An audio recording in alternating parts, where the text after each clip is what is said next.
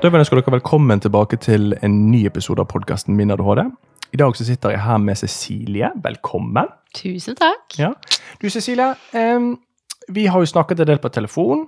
eh, og den tematikken vi skal snakke om i dag, den gleder jeg meg skikkelig til å snakke om. Eh, først og fremst så skal vi jo høre litt din historie, men så skal vi dykke litt dypere inn i dette med medisin, ikke-medisin, og, og så skal vi eh, høre litt dine erfaringer, og så skal vi rett og slett diskutere litt. Eh, kan ikke du rett og slett bare begynne med å fortelle sånn kort om deg sjøl, sånn at eh, lytterne blir litt kjent med deg, da? Mhm, det kan jeg gjøre. Jeg er eh, 36 år gammel og har to gutter på 9 og 10 med ADHD, begge to. Også en mann, gift, bor i Oslo. Eh, vil du høre hva jeg jobber med? Ja, gjerne, gjerne. jeg er eh, leder for eh, digital produktutvikling. Eh, ja, så um, for uh, flere mennesker som jobber med å utvikle digitale tjenester. Ja, spennende. Yes. Mm. Du, Det som er naturlig for meg, og det jeg veldig ofte setter gjestene mine egentlig i gang med, det er rett og slett når fikk du diagnosen ADHD? Jeg fikk den eh, rett etter at jeg hadde fylt 33, så det er ikke så veldig lenge siden. Nei. Nei.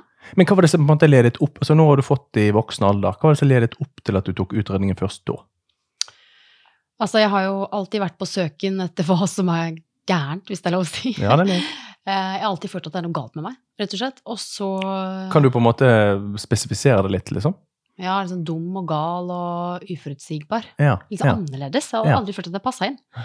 Og så uh, har det jo vært eh, gode og dårlige perioder, men, uh, men det var jo da en kollega fortalte om datteren sin og alle lydene i hodet, at jeg uh, kjente at Men er ikke det, er ikke det ganske vanlig? Ja. det sa hun at det ikke var. Så da, da dro vi fram PC-en, faktisk, når vi satt og drakk kaffe, og så leste vi litt om ADHD, og så kjente jeg at nå må jeg ta meg en tur til legen. For det stemte veldig. Det var en sånn aha-opplevelse, rett og Ja, slett. ja, skikkelig. Men eh, gikk du da, eh, var det da via fastlege og offentlig eh, og DPS og utredning, eller var det privat du gikk? Jeg gikk først til legen min, fastlegen, mm. eh, som eh, Hun sa ikke det da, men eh, som overhodet ikke hadde noen gang tenkt på å sende meg til noen utredning for ADHD. Nei, hun hadde ikke Eh, tenkt tanken engang. Nei. Nei, det ville hun aldri ha tenkt. Nei. Det har hun sagt i ettertid. Ja.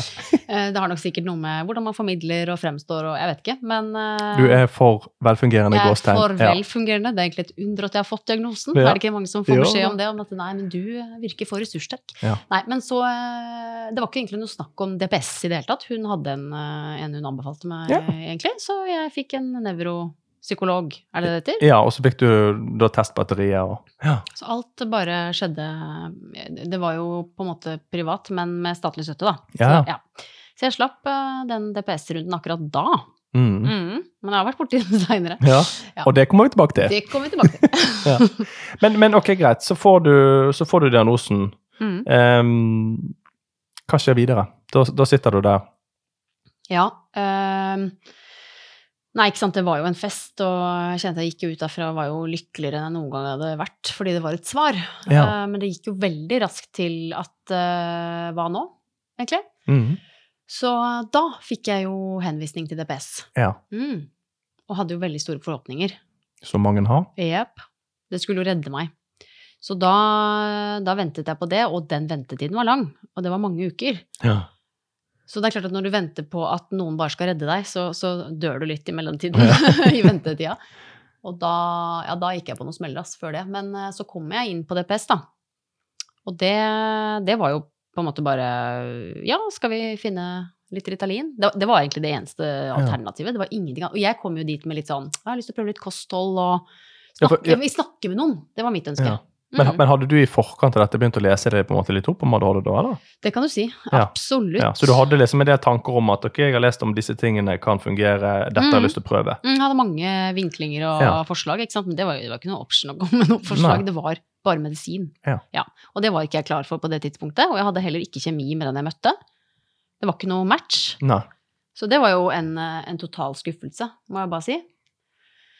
Eh, og jeg har vært eh, tilbake igjen på DPS seinere, så det kan vi jo egentlig komme litt tilbake til kanskje Ja, ja. uh, seinere. Mm.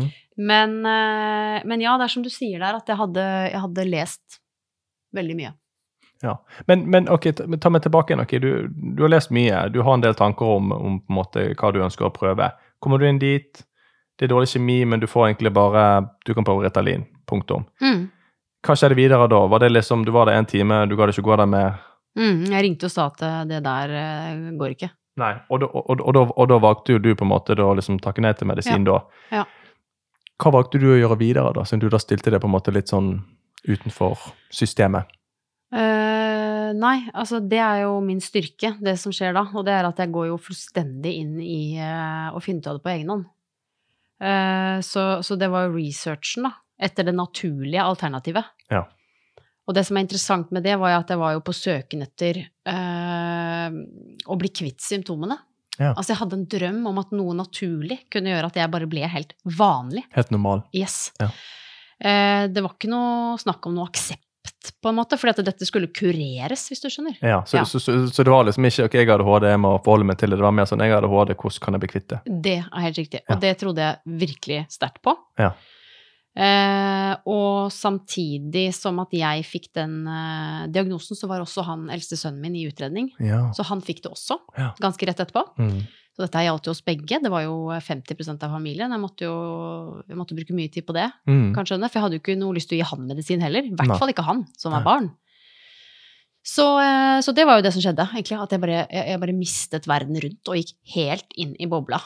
Men når du gikk inn i den boblen eh, Nå har jo meg og deg snakket litt sammen. Og sånn jeg forsto det, så prøvde du jo ut enormt mye forskjellige ting, og du gikk jo 100 inn i det. Kan ikke du fortelle meg litt mer i detalj på en måte, altså hva prøvde du ut, Mm. og, og hvordan opplevde du effekten av disse forskjellige tingene? Uh, nei, altså jeg um, leste som sagt veldig mye. Så jeg fant jo ut at han uh, doktor Reichelt på Jeg lurer på om det var eh, på Rikshospitalet, som hadde gjort mye forskning på området rundt peptider i urin, blant annet. Som Ja. gikk på at vi med ADHD ofte ikke klarer å skille ut ting eh, fra typisk melk, eh, hvete, altså gluten og sånt noe, som kunne forsterke symptomene. Ja, Ja, veldig spennende. Der kjente jeg sånn Å, yes! Her er løsningen. for det er noe veldig håndfast. Veldig håndfast. Mm. Og, og det er jo ikke en prøve som leger gjør, så det var liksom det første jeg fant ut. Ok, hvor kan jeg få tatt den prøven? Så det var jo eh, eh, meg og sønnen min da, inn på, på en sånn lab i Sandvika. Og så kjørte vi på. Det kosta ikke lite. Nei, det, det var det jeg tenkte. Ja, det Ja. Eh, men her lå jo på en måte lifesaveren, så det var det verdt. Og den gikk til Tyskland, alle disse prøvene. Ja. Eh, det som er morsomt med sånne prøver, det er jo litt at eh, du kan jo alltid få svaret sånn ja, det kan fortsatt være noe, selv om prøven ikke viser noe. Så du, du, du blir jo Du finner deg ikke helt eh, til ro med at prøvene er sånn helt ok. For å si det sånn, det er ikke ja eller nei eller svart-hvitt. Nei da, her er det absolutt ikke det. Ganske Så diffust. prøvene kom tilbake, og jeg eh, var ikke hund... Altså, men jeg hadde intoleranse for egg. Ja. Eh, og sønnen min for melk. Ja. Så her var det noe å gå ut. Så her kunne vi gå videre. Det som var eh, at vi fikk anbefalt fra han eh, ernæringsterapeuten eh, å kutte ut både gluten og melk. Det er veldig lett. Ja.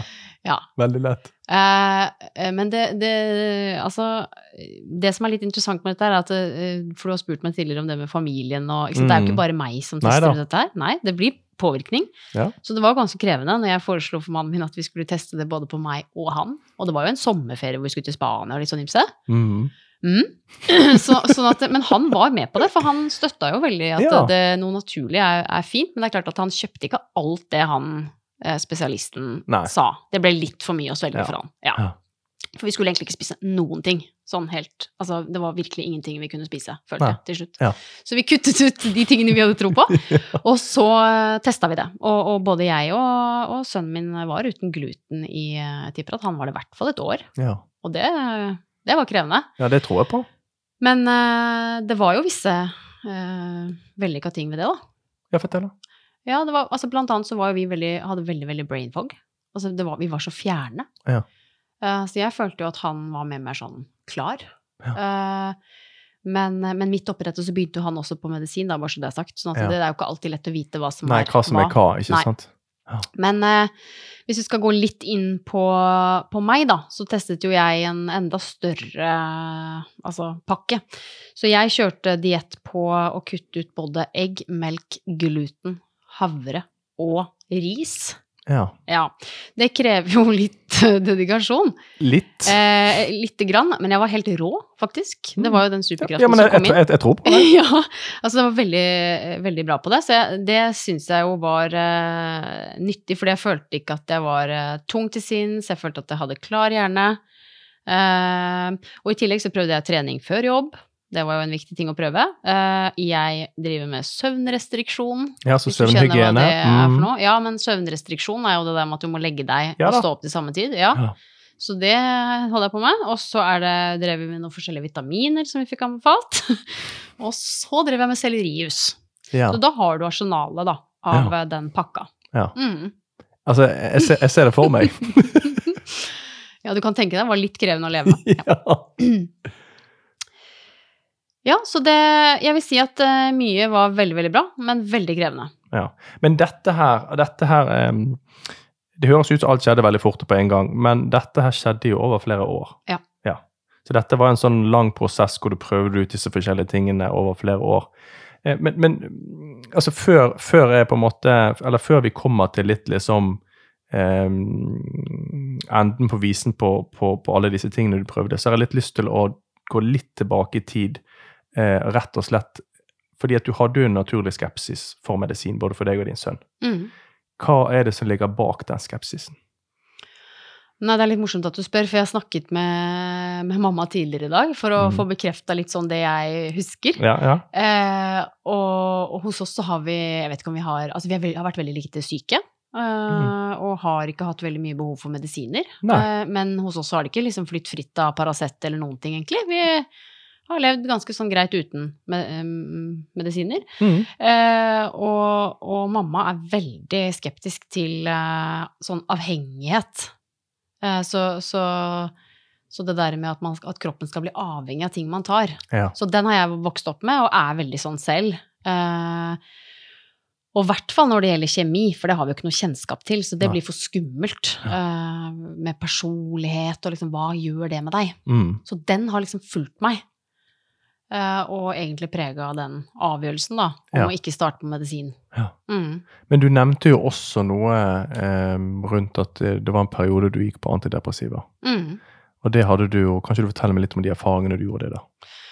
Ja, fordi det var jo ganske, det var ganske mange år før jeg fikk ADHD. Mm, eh, og jeg var virkelig deprimert, men man var jo ikke da på sporet av ADHD. Eh, og for at jeg skulle komme meg tilbake i jobb og komme meg gjennom et sånt program via Nav da, for Mm. å få hjelp med kognitiv terapi, så uh, anbefalte legene meg rett og slett å ta antidepressiva for å klare å komme opp til et nivå hvor det ble mulig. Ja. Og det skjønte jeg jo at var riktig, Ja. for det var helt mørkt. Ja.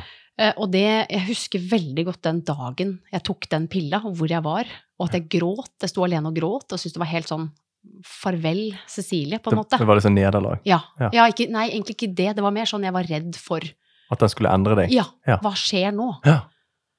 Eh, skremmende, Ja. egentlig. Mm. Men hvordan opplevde du effekten av medisinen, da? Nei, ikke sant, og så var det jo det. Eh, etter hvert, det, jo, det tar jo litt tid før ting fungerer, og man må være tålmodig. Ja, altså, men Eh, jeg kan jo bare si Antidepressiva spesielt, det tar jo ganske lang tid før du Mm. faktisk ser effekten, for det må, det må faktisk sette seg i systemet. Og så må du jo trappe det opp, ikke sant, Yes. og være tålmodig. Ja. Så, men det tok jo ikke så veldig lang tid før jeg kjente at åh, dette her dette, jeg, jeg husker jeg sa til fastlegen min at vet du hva, det er akkurat som at jeg har trengt dette hele livet. Jeg skulle ønske du ga meg dette da jeg var i tenårene. Ja, såpass, ja. Ja, fordi det gjorde meg litt mer liksom, relaxed. Jeg har alltid vært så tense. Mm. Uh, så eh, mannen min var sånn Åh, kanskje du bare må få det her på abonnement? Han syntes det var veldig det Men jeg ble litt, mer, litt mindre sånn tens, da. ja, Ja, ja, ja. Alt måtte ikke være helt sånn planlagt og kunne være litt mer avslappa. Ja. Uh, men det er jo ikke til å spøke med, på en måte. Altså, det, det, bare, det var bare det at eh, jeg følte at eh, åh, jeg hadde kommet hjem. Og jeg gikk jo på maksdose Ja. lenge. Ja. Mm.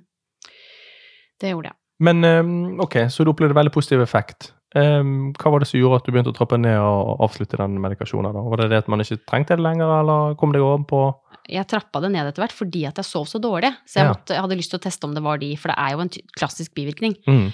Eh, så så jeg har altså, i, altså, gått over i lang periode bare på minste dosen. Ja. Fem milligram type Cipralex, ikke sant. Så som en sånn bunngreie. Men jeg har Ja. aldri klart, når jeg har prøvd, å slutte helt. Nei, for, for, for du har merket at det da Ja, da blir det veldig tungt. ja, Så du, Eh, det suger deg på en måte, trekker deg på en måte litt ned igjen, da? Ja, og så vet man jo ikke om det er placeboen, Nei. at den der tryggheten forlater deg. sånn at du, ikke sant? Men, men i og med at du da har på en måte gått på en lavdose og mange år fremdeles går på det nå, Mm. eh, hvordan er det litt opp mot den skepsisen du da hadde mot, eh, mot ADHD-medisin når du fikk den diagnosen? Det, det er interessant, for det kunne jo egentlig ha vært sånn at ja, men det, det var jo en veldig sånn aha-opplevelse og Mm. positivt, egentlig, så ADHD-medisin er velkomment. Men, men stikk motsatt, for jeg kjente at det, det var veldig strevsomt, det der med å få noe nytt inn i kroppen, som Ja. kanskje påvirker søvn, påvirker Ja. mange andre ting. Og så ha klart å trappe det ned. Ja. Jeg følte liksom at nå er jeg Ja, nå, ganske tilnærmet lik meg selv. ja for det er en såpass lav dose. Mm. Men, men da, da høres det ut som du hadde lest deg litt opp på disse medisinene og bivirkninger og effekt og litt sånn da i forkant. altså. Absolutt. Det var jo Jeg gjør ingenting sånn før jeg har Nei, jeg har forstått at du, for si sånn, jeg forstår at du gjør ikke noe halvveis. Nei, eh, det gjør jeg stort sett ikke. Så det var jo basert på ting, og definitivt hva venner og, og kjente sa. Jeg har jo eh, flere venner med ADHD. Mm. Ja. Men, eh, men det hadde motsatt effekt på meg, rett og slett, fordi at jeg kjente at jeg orker ikke den prosessen her med den prøvingen. Den derre tålmodigheten og liksom se an åssen går det. Nei. Nei, Det er veldig slitsomt. Ja, det er litt sånn, Du har ikke lyst til å begynne en ny runde nå, og, og, og du har lest litt på det her, og det er, det er en del skjær i sjøen, da. Det er det, og så er det sånn, jeg har en krevende jobb. Det passer ikke. Mm. Nei. Nei. Så det var egentlig grunnen. Men, men, men da har jeg fått litt mer innblikk i på en måte litt sånn hvor du kommer fra. Mm. Hva årsakene til, til den skepsisen var. Men da vil jeg gjerne at vi hopper litt tilbake inn til nå at ok, du har prøvd ut alle disse alternative tingene. Mm. Eh, hvor mange år fra du fikk diagnosen til du kom, hva skal vi si, kom i mål på denne her alternativreisen din, eh, hvor mange år gikk det? Ja, det gikk tre år, altså, hvor Ja. jeg drev og kokkulerte. Ja. Og inni der så får den eldste sønnen din ADHD-diagnosen, og han er med og prøver litt av disse tingene ut. Mm. Men på ett tidspunkt der så går han opp medisin. Hva var grunnen til det? Eh, For det første så var det jo skolen som meldte tilbake at eh, dette er krevende. Ja. Både for han og for de andre. Ja. For han vandra rundt, og det var Ja, det Det var var begynt å bli ganske ille. Ja, det var Ja. veldig krevende eh, for han. Ja. Eh, og så var det det at jeg fikk to kommentarer som jeg har eh, Som alltid har vært med meg. Ja. Og det, den ene er en, eh, en kamerat og tidligere kollega som fortalte meg om sin egen eh, barndom. Uh, han ble satt på antidepressiva fordi de ikke visste at han hadde ADHD, og gikk som en sånn zombie. Men, Ja. men er jo veldig lei seg for at han ikke kunne fått det riktige medikamentet som gjorde at Ja. han faktisk kunne takla skolen bedre. Ja. Eh, og så var det en tidligere sjef jeg har hatt som sa det samme. At eh, ja, jeg hører du sier det, men du skal vite at uh, ikke la det gå for lang tid. For Nei. det er en enorm risiko du løper ved å ødelegge skolegangen hans. Hvis Ja. du kunne gjort noe annerledes. Og Ja. det satte en støkk i meg. Ja. Faktisk. Ja. Ja, For dette handler ikke om meg og mitt naturlige behov, holdt jeg på å si. Nei, Det handler om, om at han skal ha det bra. Rett og slett. Ja. Men det var jo utgangspunktet for å ikke sette deg på medisin, da, fordi at Ja jeg var så skeptisk og Ja trodde jo at det var det beste. Men, men, men, så, men så kom jo alle disse her beskjedene, og, Ja. og da tenkte du at okay, det må man iallfall prøve. Ja, og det, det var veldig godt å ha prøvd de andre tingene først. For jeg følte at vi hadde gjort oss mange viktige erfaringer og, og gjort alt vi kunne, rett og slett. Så det var ikke noe sånn nederlag, det heller, egentlig. Nei. Det var mer ok, nå er det riktig. Mm. Men ok, han begynner på medisin, han får relativt god effekt, eller? Du, det her var litt vanskelig, fordi at det er jo en eller annen uh, i staten som har bestemt at man må starte på metylfenidat. Yes. Ja, og det mennesket er jeg litt uh, irritert på. Ja. Uh, sikkert ikke innafor å si, men jeg syns det er dumt. Ja. Uansett, han begynte jo på standarden. Uh, metylfenidat Mm. slash Ritalin er vel Yes. en av dem. Ja. Uh, og vi fikk en, en lege eller psykiater som var altså 102 år gammel, tror jeg, og pensjonert rett etterpå. Ja. Jeg følte ikke at vi var helt på nett og fikk den hjelpen vi trengte. Dere var ikke på bølgelengde? Vi var ikke på bølgelengde, og det var eh, ikke noe hyggelig. Eh, så vi fikk egentlig ikke kontakt med noen vi, etter at han hadde begynt på det og vi hadde spørsmål, for da er man jo skrevet ut. Ja, Det er litt interessant. ja, Ja, det er det. Sånn at det, det var jo fryktelig vanskelig. Vi visste jo ikke hva vi skulle forvente. Men han var jo så flat. Han var ikke til å kjenne igjen. Til slutt så var det sånn at jeg nesten ikke husket hans Hvem, hvem er han egentlig? Nei. Er han så her negativ og flat? Ja. Ja. Ja. Og det gikk altfor lang tid før vi forsto at ja, men vet du hva, dette her eh, Dette går ikke. Nei, og skolen var kjempepositive, for han var jo mye mer fokusert. Selvfølgelig. Men Men, eh, Men dere og, så på en måte at personligheten hans var begynt å bli avflattet. Ja, og det var nok ikke så lett å se for skolen, så ikke noe kritikk til dem i det hele tatt. Men, men det var bare det at det, da er det vanskelig når man ikke har erfaring med det, å si Mm. at vet du hva, dette er feil. Ja. Eh, og med den erfaringen vi hadde med, med, med BUP sånn sett, så var det jo litt sånn ah, skal vi søke oss inn igjen? Det også er krevende. Ja. Du må henvise på nytt. Ja. Ja, for dere hadde dårlig erfaring med BUP. Ja, altså med hun legen som uh, både var pensjonert, hun var borte, Ja. ikke sant? Vi hadde jo ikke noen å henvise tilbake til. Ja, ja, ja. Ja for, ja, for dette var jo via BUP. Ja, Selvfølgelig. Ikke sant? For han, Mm. barn går gjennom BUP, og vi, vi hadde ikke noen alternativer egentlig. Ne. Men uh, vi henviste på nytt, og fikk en helt fantastisk psykiater. Så, så han fikk teste nye medisiner, og ja. Det har vært en positiv reise etterpå. Ja, så da, Mm. da fant han rett og slett noe som eh, Altså både en type og en dose som, som passet han, da. Ja, han ja. Ja, men man skal ikke si det heller, for sånn som nå, så er han på nytt i utprøving. På ny, Ja. ikke sant? Sånn at Ja. det, er, det er jo noe som pågår, vil jeg si. Det er flytende. flytende. Og jeg har Mm. jo sønnen min nummer to nå som eh, har begynt å teste medisin, og det er en helt annen historie. Så man må på en måte se hvert enkelt individ, da. Ja. Mm. Fikk, eh, han, eh, fikk han den, utredningen og diagnosen lenge etter eh, eldste? Ja, det var fort to-tre år etter. Ja. Mm. ja. De er helt eh, ulike. Ja. Og, og med en av dem så er jeg jo litt sånn usikker på om man om noen år vil si at det er ADHD, for det er jo ganske mange ting man kan Altså som kan ha like symptomer, men som Mm. kanskje viser seg å heller være noe annet. Så jeg er litt spent, for de er så ulike. Ja. Ja. Uh, men de har i hvert fall begge, begge to uh, fått litt erfaring med medisinutprøving, da. Ja, ja Mm. ikke sant. Men da er vi over til deg igjen, Mm. fordi at du kommer Det går ca. tre år med utprøving. Og så hva er det som skjer etter ca. tre år, når du har prøvd ut forskjellige alternative, hva skal vi si, naturlige alternative ting? Det som skjer, er at jeg sitter på jobb og kjenner at eh, livet er egentlig veldig bra, og jeg føler at veldig mange av de tingene jeg gjør, funker. Men eh, jeg hadde fått nye utfordringer på jobb som var veldig krevende, og, og ble involvert i mye mer sånn tunge, strategiske ting. Og det, det kjeder meg sånn. Ja. Det er så mange slides, og jeg kjenner bare snork. Jeg orker ikke å lese det. Jeg henger ikke med. Kanskje Tenk om, tenk om jeg går glipp av noe med medisin? Tenk om jeg plutselig kjenner at oi, jeg kan jo ikke risikere å ikke ha prøvd det da. Nei. Og det var jo et håp om den der at, eh, at man skulle Det var kanskje et urealistisk håp, da, for jeg håpa jo at man skulle få interesse for flere ting. Typisk litt rart. Men Ja. at, at sånne ting som jeg syntes var kjedelige og Skulle plutselig bli interessant. Ah, det skulle bli veldig spennende, og jeg skulle klare å lese det og følge med og bare, ja. Men det, ja, nei, det kan vi komme tilbake til, men litt urealistisk. Men det var det som var vendepunktet for meg, sånn i hodet. At Mm. åh, vet du hva, jeg tror kanskje det er noe jeg bare må Jeg må finne ut av om det faktisk er verdt det. Ja. Og så, eh, og så fikk jeg tilsendt en, eh, en podkastepisode, eh, som du også har hørt på opptil flere ganger, Mersel Barkley. Ja, fantastisk episode. Ja. Den fyren er en fantastisk formidler. Ja, for han er psykiater, er han ikke Ja, det? jo. Ja. Men jeg tror han er professor og emeritus og alt mulig. Ja, han så han har skrevet bøker alt. og forskningsartikler herfra til månen. Mm. Men jeg tenker han kan vi også komme litt tilbake til etterpå. Det kan vi gjøre. Men i hvert fall så, så var det noe med det, det vendepunktet for meg, da. Det var jo også det der med å høre på eh, profesjonelle mennesker som forteller om den andre siden av det. Hvilken risiko løper du ved å ikke prøve medisin? Mm. Det var interessant, for det, det aspektet hadde jeg ikke tenkt på i det hele tatt. Nei. Så, så det var det. Og så var det en tredje ting som var at en, en veldig nær venninne av meg fikk diagnosen også i dette tidsrommet. Ja. Og hun var helt klar på at hun skulle rett på medisin. Ja. Så da ble det litt sånn in this together, la oss prøve. ja. Mm, så det passa jo egentlig perfekt. Ja. Og hvordan eh, den prosessen med da å, å begynne utprøving av medisin, kan ikke du fortelle meg litt om hvordan du opplevde det? Hva, altså, hvordan prosessen fra start til eh, der du er nå, egentlig? Ja, nei, altså jeg var jo veldig, veldig sånn hadde ikke en, det beste sånn motet, eh, kjente jeg, på grunn av den prosessen med DPS sist, ikke sant? Ja, så det var litt sånn åh, Åh, jeg var litt sånn, hvor skal jeg starte? Og jeg følte litt sånn, jeg kommer ikke til å finne noen som vil hjelpe meg med Nei. det jeg trenger hjelp til. Så det var jo litt sånn dårlig start. mm. Men så klarte jeg og hun venninnen min å få litt, uh, litt tips. Vi har etter hvert fått litt relasjoner, ikke sant? Ja Uh, få, noen, få noen anbefalinger utenfor DPS. Men jeg var veldig utålmodig også, ikke sant? For når du først Mm. bestemmer deg for noe og har ADHD, så skulle det helst skjedd i Ja, går. dette skulle ikke helst i forgårs.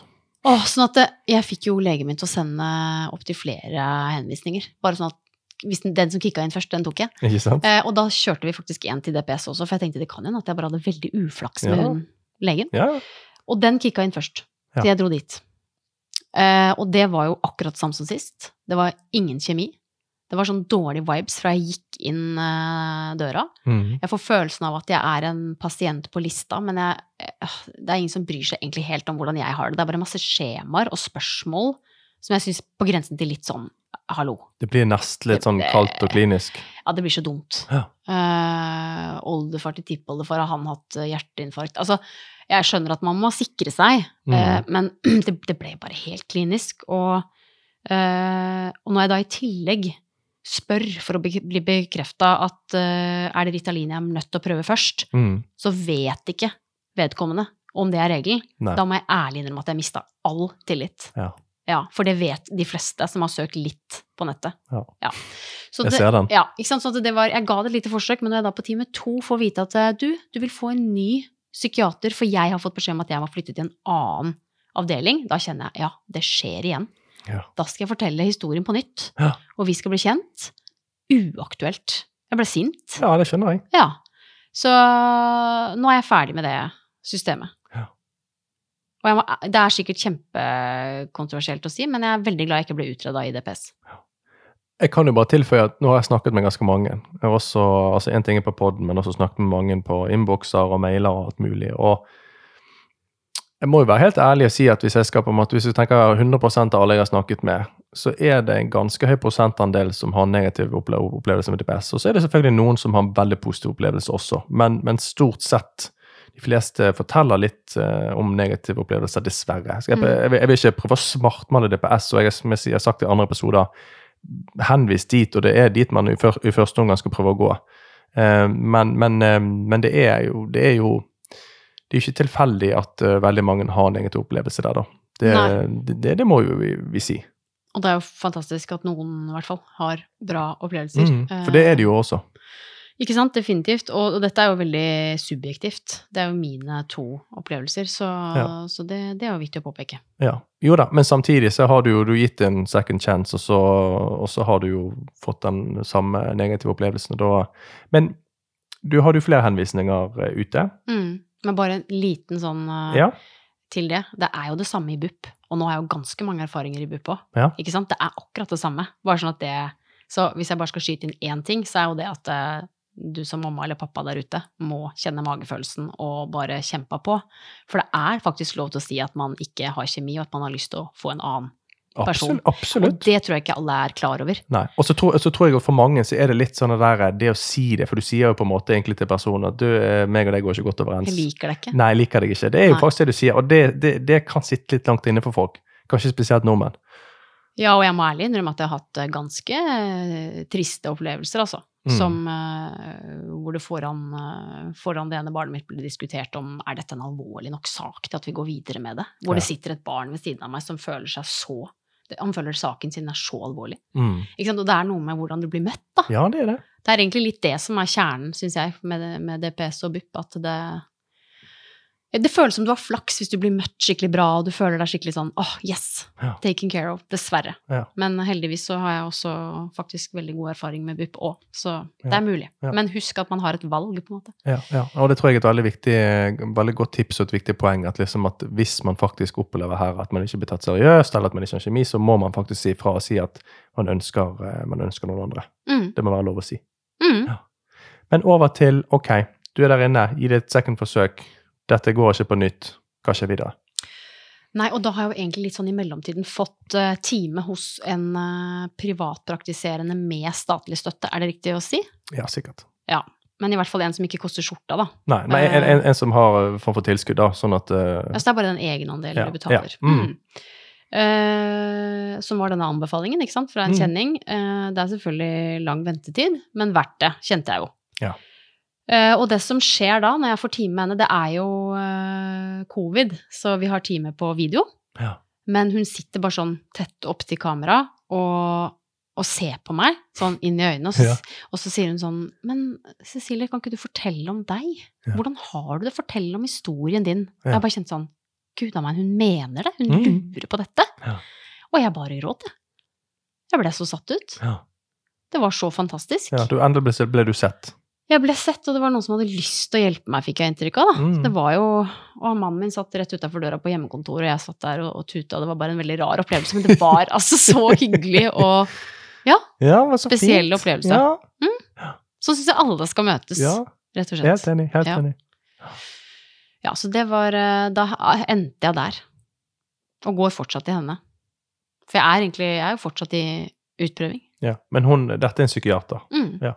Men em, nå er du under utprøving, sånn som det. Men eh, gjør dere noe mer sammen enn utgangspunktet kun medisinprøving? Har dere noe samtaleterapi eller sånn type ting, eller? Vi har det, faktisk. Ja. Fordi at eh, det er det som er litt sånn uh, funny med meg. Det syns jo hun også, at liksom vi var i ferd med å skrive meg ut her i begynnelsen av året, og så gikk det plutselig en uke, og så var det oi, sånn, her må vi jobbe Ja. litt. Det er jo litt sånn det er med ja, ja. Men, og så skjer jo ting på veien.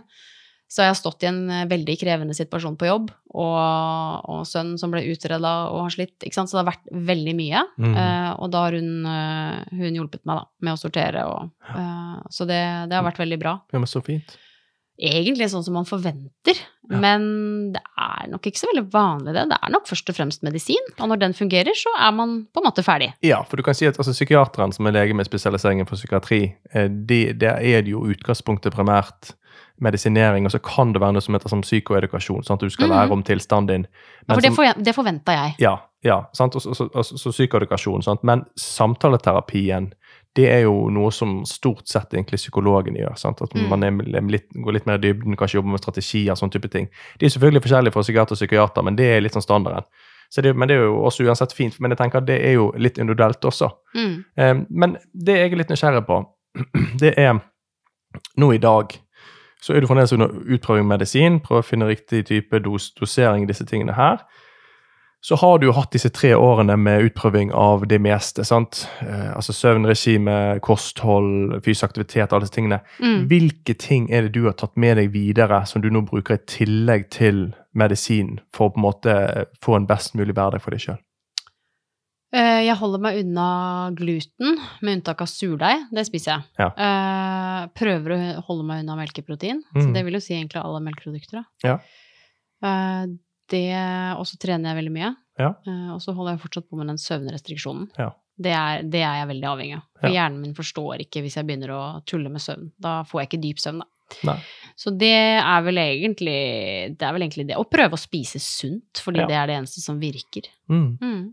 Og du kan si at jeg kan jo bare mm, Hvis jeg tar, drar litt ut av de tingene eller de tingene du sa der, så hvis du tenker søvn, da um, Dette gjelder jo alle. Altså Hvis man sover jævlig dårlig, så, så kan du begynne å få symptomer på ADHD. hvis du Mm, skjønner hva jeg mener, mm. sant? Det blir en forsterkende effekt for oss som har ADHD. Eh, og så handler det litt om struktur også. At man har eh, et tidspunkt man legger seg på, et tidspunkt står opp.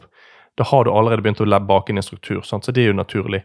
Og så tenker jeg dette med kostholdet, det er også litt sånn struktur. For det er litt dette med måltidsfrekvens. Når du spiser på, det, på dagen, har du en jevn tilførsel av energi, Mm. som gjør at du ikke får veldig store svingninger i blodsukkeret eller Ja, for det er jo krise. ja, ja, men det er det jeg mener. Altså, alle disse tingene tenker jeg, det, altså, det er jo gull verdt sånn utgangspunktet for at du skal få en god flyt gjennom dagen Mm. um, og, og, og fungere bra. Så jeg tenker liksom at eh, Og så kan man selvfølgelig gå inn på innholdet på de forskjellige tingene, hvordan man gjør det, men, men sånn totalt sett så er det jo veldig gode tiltak som absolutt alle, uavhengig av hvem du er og hva diagnose du har, Mm. eh, burde ha i Det tror jeg. Du må, du må ha den søvnen du trenger. Ja, og du må ha, du må kost, du må, du må putte bra bensin på bilen og, og spise til jevne tider, ikke i tillegg. sant? Sånn at ikke Men- dette her blir Mm. opp og ned. Så jeg tenker det er jo veldig gode, gode tiltak. Og ikke minst fysisk aktivitet, som vi vet er ekstremt positivt, psykisk Mm, og fysisk, mm. for uansett hvem du er, liksom. Mm. Du, altså, du, altså for eksempel, ta eksempel da, kosthold og trening.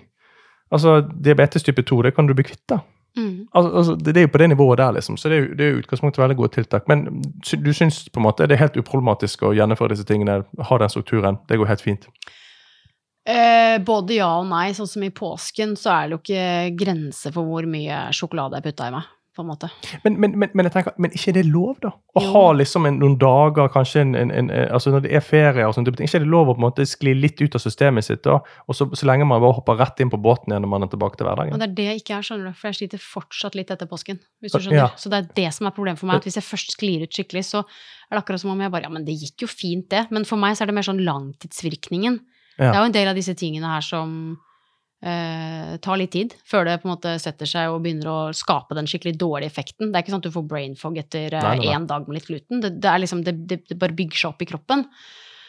Og så jeg, spør- Jeg vet ikke om det er placebo eller hva det er. Altså. Det er jo ingen som har sagt til meg at jeg ikke tåler det, eller noe sånt nå. Så det er jo eh, noe jeg tror på og føler at jeg merker. Mm. Men det er det som er utfordringen for meg da. At det, det er ikke mandag etter påske, så bare wow, rett på trening og, og ingen melkeprodukter. Men, men nå er spørsmålet mitt, da.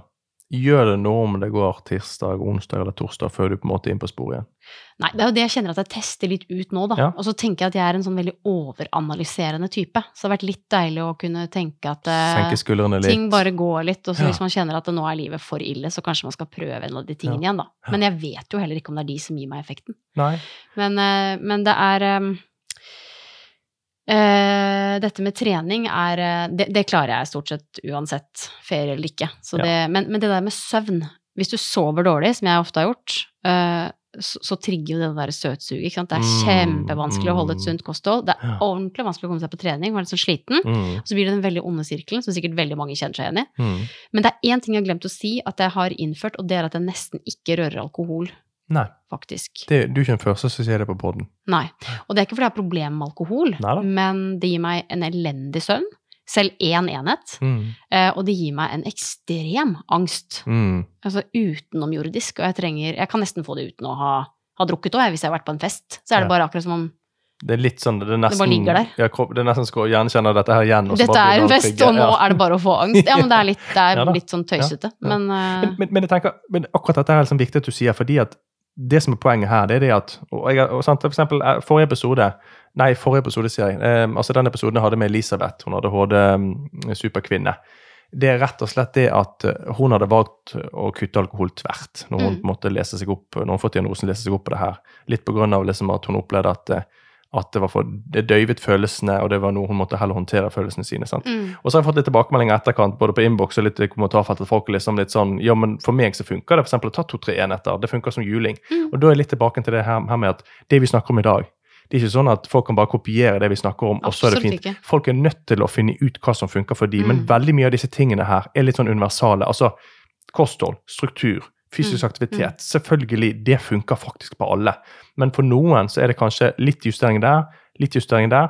Man må finne det som funker for, for seg, da. Mm, og jeg dømmer da ingen som drikker Nei. alkohol med ADHD. Det Nei, er nei, er helt men, men, Forstår det? Ja, men litt av poenget, sånn som du har gjort da, du har jo faktisk satt deg ned, så har du måtte forholdt det til, ok, nå har du ADHD, Mm, sant? mm. Eh, så som du sa i starten, så var du litt mer sånn, jeg vil prøve å bli kvitt ADHD, Mm. sant? Måtte på et eller annet tidspunkt bare skjønne at det Det går ikke, sant? Går ikke. Nei, du må forholde Mm. til det. Men, men du har i hvert fall gått inn for disse tiltakene for å prøve å gjøre noe med disse utfordringene du har. Og det er det jeg tenker på en måte, så jeg kan si til lytterne, lytterne mine her at det er på en måte viktig å gjøre det samme, sette seg ned og på en måte begynne å jobbe litt gradvis med det. Bare begynne i en eller annen ende. Sant? For Hvis man bare går rundt og, og soser og ikke kommer i gang, sånn, så, så er det ingenting som bedrer seg. Så man er nødt til å begynne i en eller annen ende, da. Og så må Mm. man finne gode ting som, som fungerer for seg sjøl. Absolutt.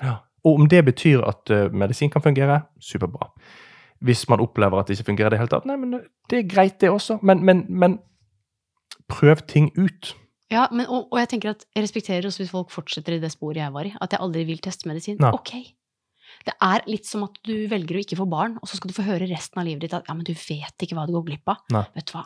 Slutt. Ja. Du har tatt et valg. Mm. Det må vi respektere. Og eh, mitt mål med å være med i denne podkasten er jo å inspirere, forhåpentligvis. Så Mm. jeg tenker at de som måtte synes at det jeg har gjort, er idiotisk, da håper jeg at man tenker at da prøver ikke jeg det. Nei. For jeg ønsker ikke å si at det jeg har gjort, er riktig. Nei. Nei. Men, det, det, men, men du har gjort dette, du har gjort det mange gode erfaringer, og det er det jeg tenker andre også bør gjøre. Prøv ut disse tingene som den og den personen tenker kan fungere, eller er nysgjerrig på, eller har lest om.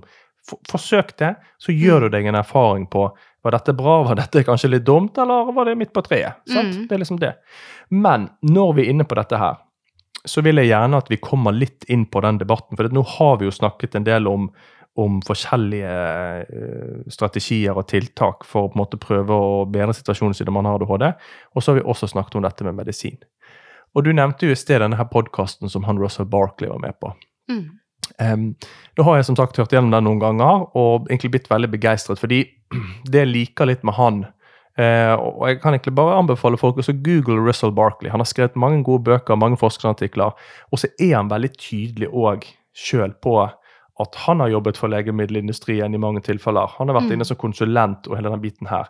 Og han er litt sånn at selv om han snakker veldig positivt om medisin, så er han ikke noe sånn her eh, preacher på at alle må prøve det uansett. liksom. Han er ja. veldig sånn balansert rundt det. det. Det tenker jeg er litt viktig at vi sier. Men vi må litt inn på den podkastepisoden, fordi at noe av det første han sier i starten, og det, og det liker jeg på en måte veldig godt, det er jo det at han, han, han sier liksom at medisin eller ikke sant? Altså, det, det er fem ting du alltid på en måte skal ha med i et sånt spekter når du skal behandle ADHD eller prøve ut disse tingene her. Og de fem punktene som han eh, Barkley sier, det er da én, skaff deg på en måte en, eh, en ekspertevaluering. Og det vil jo si at som man sier, liksom statistisk sett, iallfall i USA, så er det 80% av de med ADHD som har på en måte en, en eh, lidelse nummer to. da.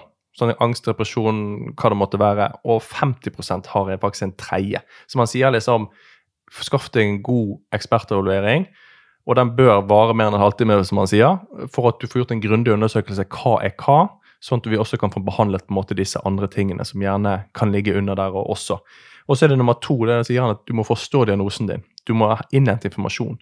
Og når du innhenter informasjon, så sier han du skal være kritisk, kritisk, kritisk. Hvis du leser én bok, hører på én podkast, en på én nettside, det holder ikke. Du må, du må være kritisk og du må være søkende, du skal gå innom alt mulig. Og så må du begynne å dra ut essensen av det du finner på de forskjellige stedene, sånn at du faktisk da får sannheten, som man sier. For det, Mm. sannheten er ikke bare du leser den boken, og så er du på en måte solgt. Og det er han veldig tydelig på. Og så er det nummer tre. Det er medikamentell behandling. Og Der sier han at der har du på en måte liksom disse tre hovedtypene medisiner. Det er på en måte stimulantene, det er de non-stimulantene. Og så har du faktisk eh, blodtrykks... Eh, altså hypertensjon eh, eh, medikasjon, altså blodtrykksmedisin. Det også har faktisk vist seg å fungere. Jeg har faktisk hørt noen anbefale mm, sånn eh, narkolepsimedisin, men det var ikke å anbefale fra han jeg kjenner som prøvde det. Men liksom, det er sikkert en del ting som noen har prøvd. Ja, for, for det, det han sa med blodtrykksmedisin, det er jo rett og slett det at de, de har sett at eh, den også har hatt en ekstra, altså veldig god effekt på faktisk Og, og så fortalte han jo så var det litt sånn detalj, liksom, hva er det som skjer faktisk på synapsenivå. Og da begynner du å forstå liksom, å ja, hvordan han fungerer. Og så sa han at, liksom, at ofte skal en bivirkning for de med altså ADHD kanskje ikke har, hatt, de har høyt blodtrykk, og da får du pose og sekk. sant? Men det var liksom én. en, Og så han sier liksom, du disse tre typene, men at du har eh, vanvittig mange Um, altså delivery systems, altså leveringssystemer. sant? Altså de, de fungerer på forskjellige måter. Det er liksom disse depotkapslene. Det er noen som fungerer på en annen måte. Han sa liksom at du kan skreddersy da, medikamentell behandling veldig til hvordan det passer for deg. Han sa til og med, og da ble jeg litt sånn Oi, det har jeg ikke hørt om. Han sa ta, ta liksom at du, du, du er voksen med ADHD. Skal stå tidlig opp om morgenen og få barna på skolen osv. Eller du har et barn som skal opp tidlig. Så kan du ta medisin på kvelden som ikke begynner å virke før var det 9 eller 10 eller 11 eller 12 timer etterpå. Så du tar den på kvelden, og så begynner den først å kicke inn når du står opp. Eller rett Ja, dette før. her kjenner jeg vi må tilbake til, for dette er ganske spennende. Jo, men, men, Ja. men, men det, liksom det, det- jeg ble liksom altså, Jeg tenkte liksom bare at altså, Det var så mye jeg ikke hadde Ja. Jeg Mm. visste ikke engang at det fantes så mange forskjellige typer medisiner før bare kanskje noen år siden jeg begynte med det prosjektet. Sant? Så det var liksom det. Men ok. Men, men og, et eksempel fra det, som er helt, helt ferskt for meg, det er at jeg må, jeg må stå opp tidligere nå, og så Ja. må jeg ta medisinen med en gang jeg står opp. Fordi Ja. at jeg har funnet ut at jeg har egentlig tatt den etter at ungen har gått. mm, Men da kan jeg ha stått i svime altså. Og liksom fem på når de skal gå, så har jeg ikke lagd matpakke engang. og det var nettopp det eksempelet han brukte. For det hun, er der, hun som har den Mm. podkasten her, sant? Hun, er jo, hun har jo flere barn, hun har det sjøl, det er flere som har utfordringer i familien der. Og hun sa liksom at hadde jeg visst dette her var gravid eller fikk mitt første barn, sånn som det, altså halleluja, Ja, det, det det, det at du rett og slett kan Du tar dem om kvelden, og så vet du liksom at når du står på morgenen, så er den allerede i effekt, Ja. og du er liksom ute av tåken. Det har jeg aldri hørt om. Nei. Ja, det er spennende. Og så er det fjerde punktet. Da sier han liksom at du må jobbe med å finne ut hvordan du kan justere symptomene dine. sant? Og, og, og jobbe på den måten der. Og så er det femte punktet som henger litt sammen med den, og det er dette med tilrettelegging. Og da snakker han mer om miljøet. sant? Tilrettelegge på jobb, tilrettelegge hjemme, tilrettelegge på en måte i livet ditt. Sånn at du ja, skolen, sånn Mm. at du på en måte kanskje kan begynne å luke ut sånne klassiske feller som gjør at din ADHD trigges. ikke Mm. sant? Og de to punktene henger på en måte sammen. Og det er det jeg syns var så eh, artig med han eh, Barkley. Det er liksom det at han er veldig sånn Hvis du tror at du bare kan ta en pille og fikse det, eller hvis du tror at du kan spille inn app eller bruke en eh, fidget sp- spinner, og så er ADHD-en din borte, så sa han nei. Mm. Hele den pakken her må du faktisk bruke, og du må jobbe systematisk med det. Du må ta ansvar for din egen tilstand. Du må, du må faktisk innhente informasjon og bli kjent med din egen diagnose. Og så må du jobbe over hele det spekteret. Og det, det- jeg liker den tanken. Jeg har alltid vært sånn at det er ikke, det er ikke bare ett botemiddel, og så er alt fikset. Du må Nei. faktisk tenke hele spekteret. Det er nok mange som syns er krevende. Dette er nok veldig krevende Ja. for folk. ja, og det, og det tror jeg. Men, men igjen, da. Hvis man, hvis, man hører personer, tenker man å herregud. Så tenker jeg sånn, Men det finnes jo folk man kan gå til og få litt hjelp. Mm. Og så trenger man ikke å begynne med alt med en gang. Begynn i én en ende, Mm. og så begynner man et sted. For, for fordi Hvis man tenker alt på en gang, så blir det overveldende for de fleste. Men du må, du må begynne et sted. Et sted må du begynne. Ja. Men det du nevner der, at du må gå til noen og få litt hjelp. Altså, ja, det er jo amazing, men det er så vanskelig å få tak i de som kan hjelpe deg, og som Mm. kan skikkelig mye om ADHD. Det virker som om det er veldig få som har spesialisert seg på det, og som er tilgjengelig for allmennheten. Ja, og, og hvis de er private, som flere av de er, så vet jeg jo også dessverre at de har veldig lange ventelister, fordi at eh, Jeg har snakket med flere av dem nå, spesielt etter covid, øh, Ja. og, og, og de sier liksom at de aldri har opplevd det trykket. Det trykket er helt enormt, og de har ventelister på seks måneder pluss. Ja, men, og noen liksom. av dem er jo så dyre, så du skal ha veldig god økonomi. Ja, de det i tillegg, ja. Mm. Mm. Så, så akkurat det syns jeg er eh, Hvis man står nå og lurer på hva man skal utdanne seg som, så kunne det være en god idé å bli psykiater med spesialitet Eller innen ADHD. Eller, psykolog. Ja. Eller psykolog. Mm. Det er altfor få, tenker Ja, jeg. ja. Men, men, men en, annen, en, en, en annen kategori som jeg tror vi glemmer litt oppi det her, og det har lyst til å løfte litt opp. Nå snakker vi om psykologer og psykiatere. Men jeg har hatt noen gjester, flere gjester også, som noen er, som er ADHD-coach, og noen som holder på på en måte å hva skal vi si, utdanne seg, utvikle seg til ADHD-coach. Og ADHD-coach, det er jo ofte så har de diagnosen sjøl. Og de skal man ikke undervurdere for å faktisk kunne få en del av den hjelpen som vi snakker om nå. Dette med det som er eh, en del av disse punktene som vi nevner. Så kan du gjerne bruke liksom en psykiater til medisin eventuelt, og de tingene der, men en ADHD-coacher de skal vi ikke undervurdere, og de tror jeg er en viktig ressurs som vi faktisk kan benytte oss av, som gjør at det liksom deler loaden litt som nå ligger på psykiaterne og psykologene. Jeg Mm. tror det er faktisk et ganske godt tips. Ja, jeg har egentlig begynt å si det i det siste, at uh, en coach kan være vel så bra Mm. som en psykolog, fordi de er jo veldig sånn konkrete når det gjelder eh, ting i praksis. Ja. Altså hva må du gjøre? For det er jo det vi leter etter. Kan Ja. du bare fortelle meg, kan du komme med noen råd? Ja. Ikke den derre plapringen om hva ADHD er. Jeg vil at du skal skjønne min ADHD, mine utfordringer, og hva kan jeg gjøre med den. Og jeg er jo faktisk så heldig å få gå til en coach nå, som er helt fantastisk. Så spennende. Men hun uh, har ikke erfaring med ADHD. Nei. Eh, men det er jo veldig mye ved ADHD som er ganske sånn Det er mange som kan slite med mange av de samme tingene uten Mm, å ha det. ja. Så det er, ikke, sånn- det er ikke rocket science nødvendigvis, dette med struktur og dette med å akseptere.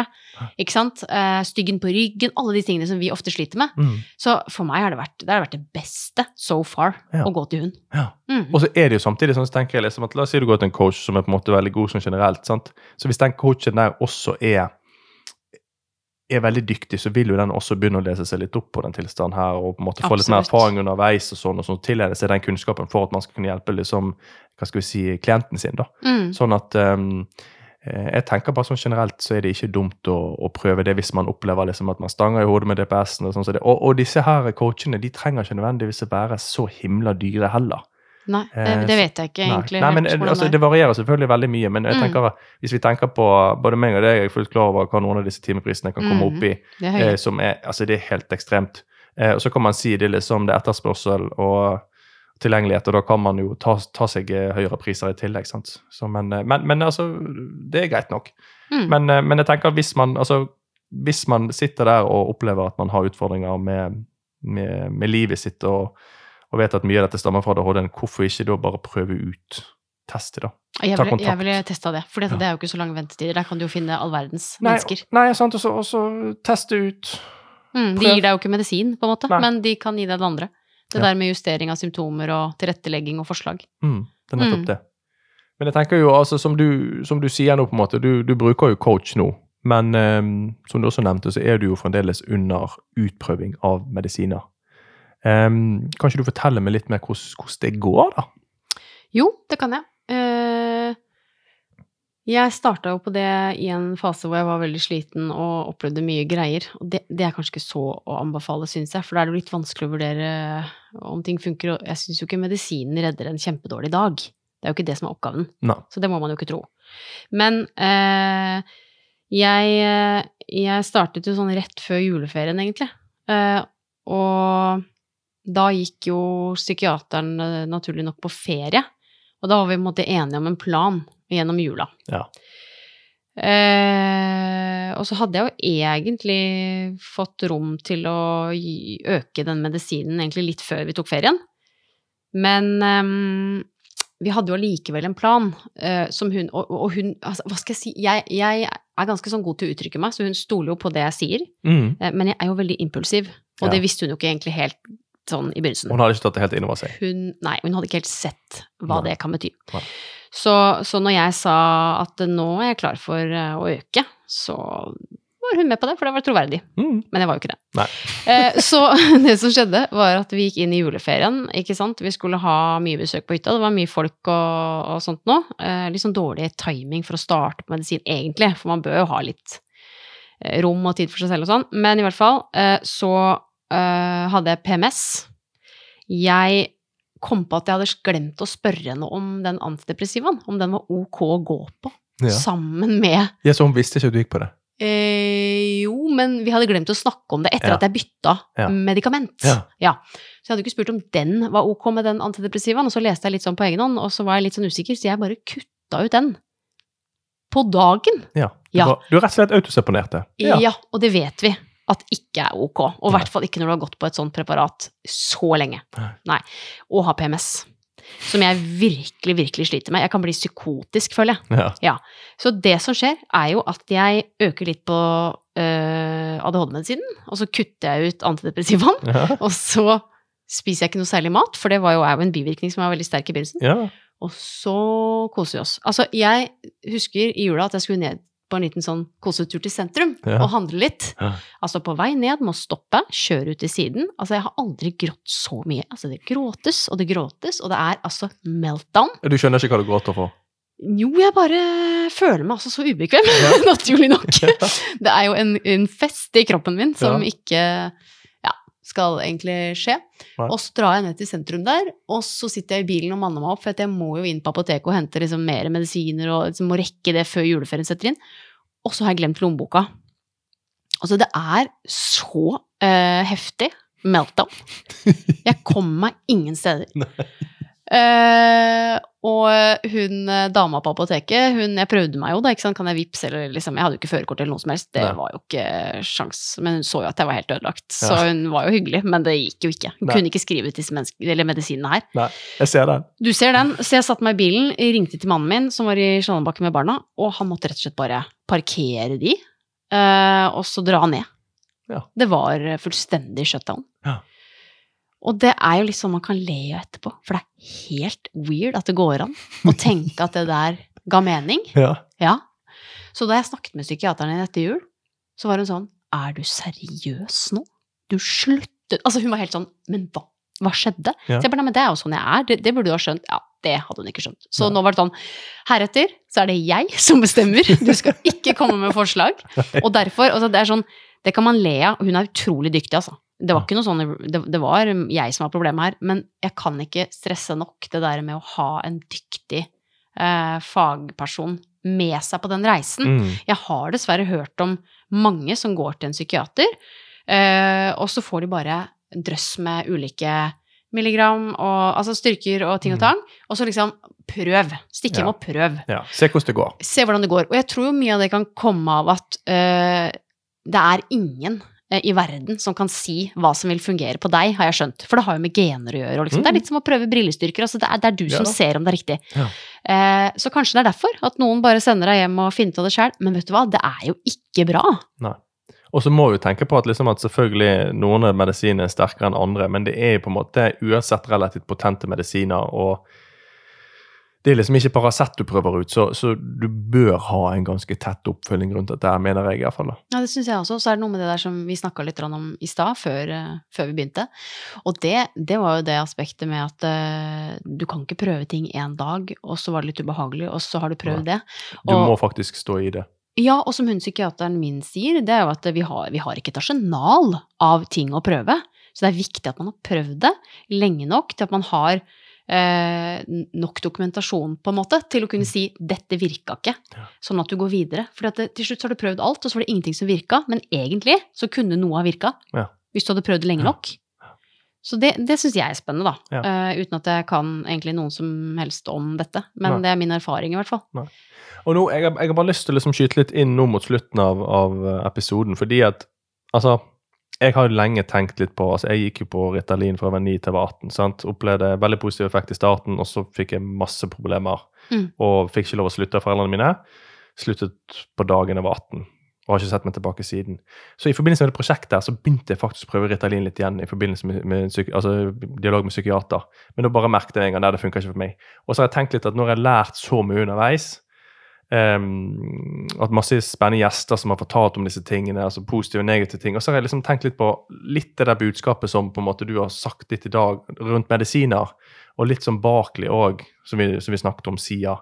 Det er en ting jeg på en måte som har brent seg på en måte litt inn i meg, og jeg har tenkt liksom Tør du å ikke prøve ut medisiner? For du kan si sånn Ja, jeg har prøvd ut Ritalin, men jeg har ikke prøvd ut de andre typene. Jeg er litt sånn, jeg, funger, jeg føler jeg fungerer godt i min hverdag jeg har mine utfordringer som jeg jobber med. Men hva hvis jeg plutselig vil ta en master? Hva hvis jeg vil ta en videreutdanning? Så jeg har tenkt sånn jeg, jeg, er helt sikker på at det kan bli altså Ja, jeg kan komme meg igjennom, men hva det kommer til å koste meg, og det kommer utfordrende. Så jeg har blitt liksom litt mer og mer tenkt liksom Skulle jeg kanskje tatt en runde til? For jeg har lyst til å på en måte spesialisere meg etter hvert, liksom. Og så er jeg litt sånn Altså, det fin Hvis du skjønner hva jeg mener? Mm. Altså, jeg er litt sånn der, hva, hva går jeg eventuelt glipp av ved ikke å prøve det ut? Og så tenker jeg Altså, hva skjer, hva skjer hvis jeg syns det bare er dritt og det fungerer ikke? Jeg kan slutte. Det, altså, det, det, skjer ikke noe galt, liksom. Du må bare innstille deg på at nå er det en periode hvor jeg må være litt tålmodig. Ja. Men det er et poeng, da, det du sier der, for det er jo veldig mange som startet på medisiner som barn, som ikke egentlig har fått med seg at det har skjedd en utvikling, at mm. det er noe mer enn Ritalin. Altså, jeg har jo ikke hengt med. Nei. Og jeg har jo flere venner som sier det, at mm. Eh, Ritalin det fjerna personligheten min, jeg ble helt flat, jeg orker det ikke. Akkurat jeg kan jeg kanskje bruke det hvis jeg mm. begynner en ny jobb, ja. helt i begynnelsen, mm. men så må jeg bare av. Og det opplever jo ikke jeg i det hele tatt. Men derfor så blir jeg også litt sånn derre Åh, jeg syns det er veldig skummelt med de som står på Ritalin og sier sånn mm. Ja, men det var jo bedre enn det det var, og som egentlig ikke vet hvordan de andre medisinene virker. Jeg skulle egentlig ønske at man fikk mulighet til å prøve mm. litt det som var i forskjellige ja. perioder i livet, fordi ja. de er veldig forskjellige. Ja. Og så skal det jo sies at nå når jeg på en måte altså 80-90-tallet Eller 90-tallet da, og fikk liksom den, så fantes ikke så mange typer. Nå har det kommet mange flere. Men det som du sier, vi som, vi som har gjerne fått det når vi var unge og barn mm. altså vi, vi, vi, vi, vet jo ikke om disse tingene her nå. Sant? For det, ting har utviklet seg, men vi har på en måte ikke, det har ikke vært, eh, vært et fokuspunkt for oss. liksom. Så, mm. så jeg tenker liksom, jeg er litt sånn Altså, jeg opplever meg sjøl som liksom verken pro eller altså for eller mot medisin. Jeg er litt mer sånn Ja, men vet du hva? Det som funker for deg, og mm. kanskje man prøver det ut. Og så er jeg blitt mer og mer overbevist om at, liksom at selvfølgelig sjeldne bivirkninger kan være kjempealvorlige med, med disse medisinene, men det kan det faen være med Paracet òg. Du kan dø av Paracet. Sånn at liksom mm. Jeg er litt sånn Hvorfor ikke forsøke? Prøve å finne, finne en som god fagperson som kan følge deg opp, og så se om du kan finne som funker. For kanskje du faktisk får en helt ny hverdag. Og, og, og er, er, det da verdt å liksom ikke prøve ut? Nei, det vet jeg ikke, det må jo være opp til den enkelte. Men jeg syns at det er eh, Ja, jeg er helt enig med deg, det er så mange potensielle muligheter. Men det kan jo for noen være eh, kjipere bivirkninger enn effekt, da. Men det finner du ikke ut før du har prøvd det? Nei, det er jeg enig i. Men, men, eh, Nei, nei, så hvis vi tenker på å ta det steget og prøve, så ja. Men for mange er det veldig vanskelig, da. For meg var det kjempevanskelig. Ja. Det var helt altså, utenkelig. Du, brukte jo tre år. Jeg brukte tre år, ja. og jeg har fått kritikk før for at jeg har sagt at jeg ikke vil gå på medisiner, mm. fordi noen mener det er liksom krenkende. Og det har jo aldri sagt at det er, det er, galt å gå på medisiner, men jeg har ikke kommet dit at jeg klarer det. Nei. På en måte, Mens nå sitter jeg her og tenker sånn Gud a meg, det var jo på tide at jeg prøvde det etter tre år. Mm. Skulle ønske jeg prøvde før, men samtidig ikke, for jeg var nødt til å ha den reisen. Den var viktig for meg, da. Men til syvende og sist så tenker jeg det er opp til enkeltindividet å vurdere sjøl hva man faktisk har lyst til å prøve eller ikke. Men jeg tenker det, og, og det er ikke noe sånn at hvis du ikke har lyst til å prøve det nå, så har du lyst til å prøve det om ti år. Altså jeg tenker, men Gjør en god refleksjon rundt ting. Mm. Føl på det, kjenn på det. Det er på en måte, det tenker jeg på en måte er det viktigste. Men jeg kjenner at jeg kunne sittet her og diskutert med deg i timevis, for jeg syns det har vært en utrolig interessant samtale i dag. Eh, Ja, like skik-. Skikkelig gøy. Eh, men eh, som vanlig, et eller annet tidspunkt så må vi dessverre ja, samle sammen sakene Mm. og si Mm. Det må vi. Men eh, det var veldig gøy å få være med, og, og håper at noen syns det var inspirerende. Ja, Eh, Det håper jeg. Og så håper jeg at man blir litt engasjert. Man trenger absolutt ikke være enig i alt vi snakker om. Jeg tenker liksom, Det er litt dette som er poenget med, med podden òg. Liksom. Vi skal skape litt engasjement. Vi skal, vi skal få litt diskusjon. liksom. Trenger ikke være enige. Ikke, vi skal ikke Mm. Sitte her og bare si ja, ja, ja. Det er spennende. Det syns jeg. Ja. Men jeg vil si tusen, tusen takk for at du, du stilte. Kjempekjekt. Takk for at jeg fikk være med.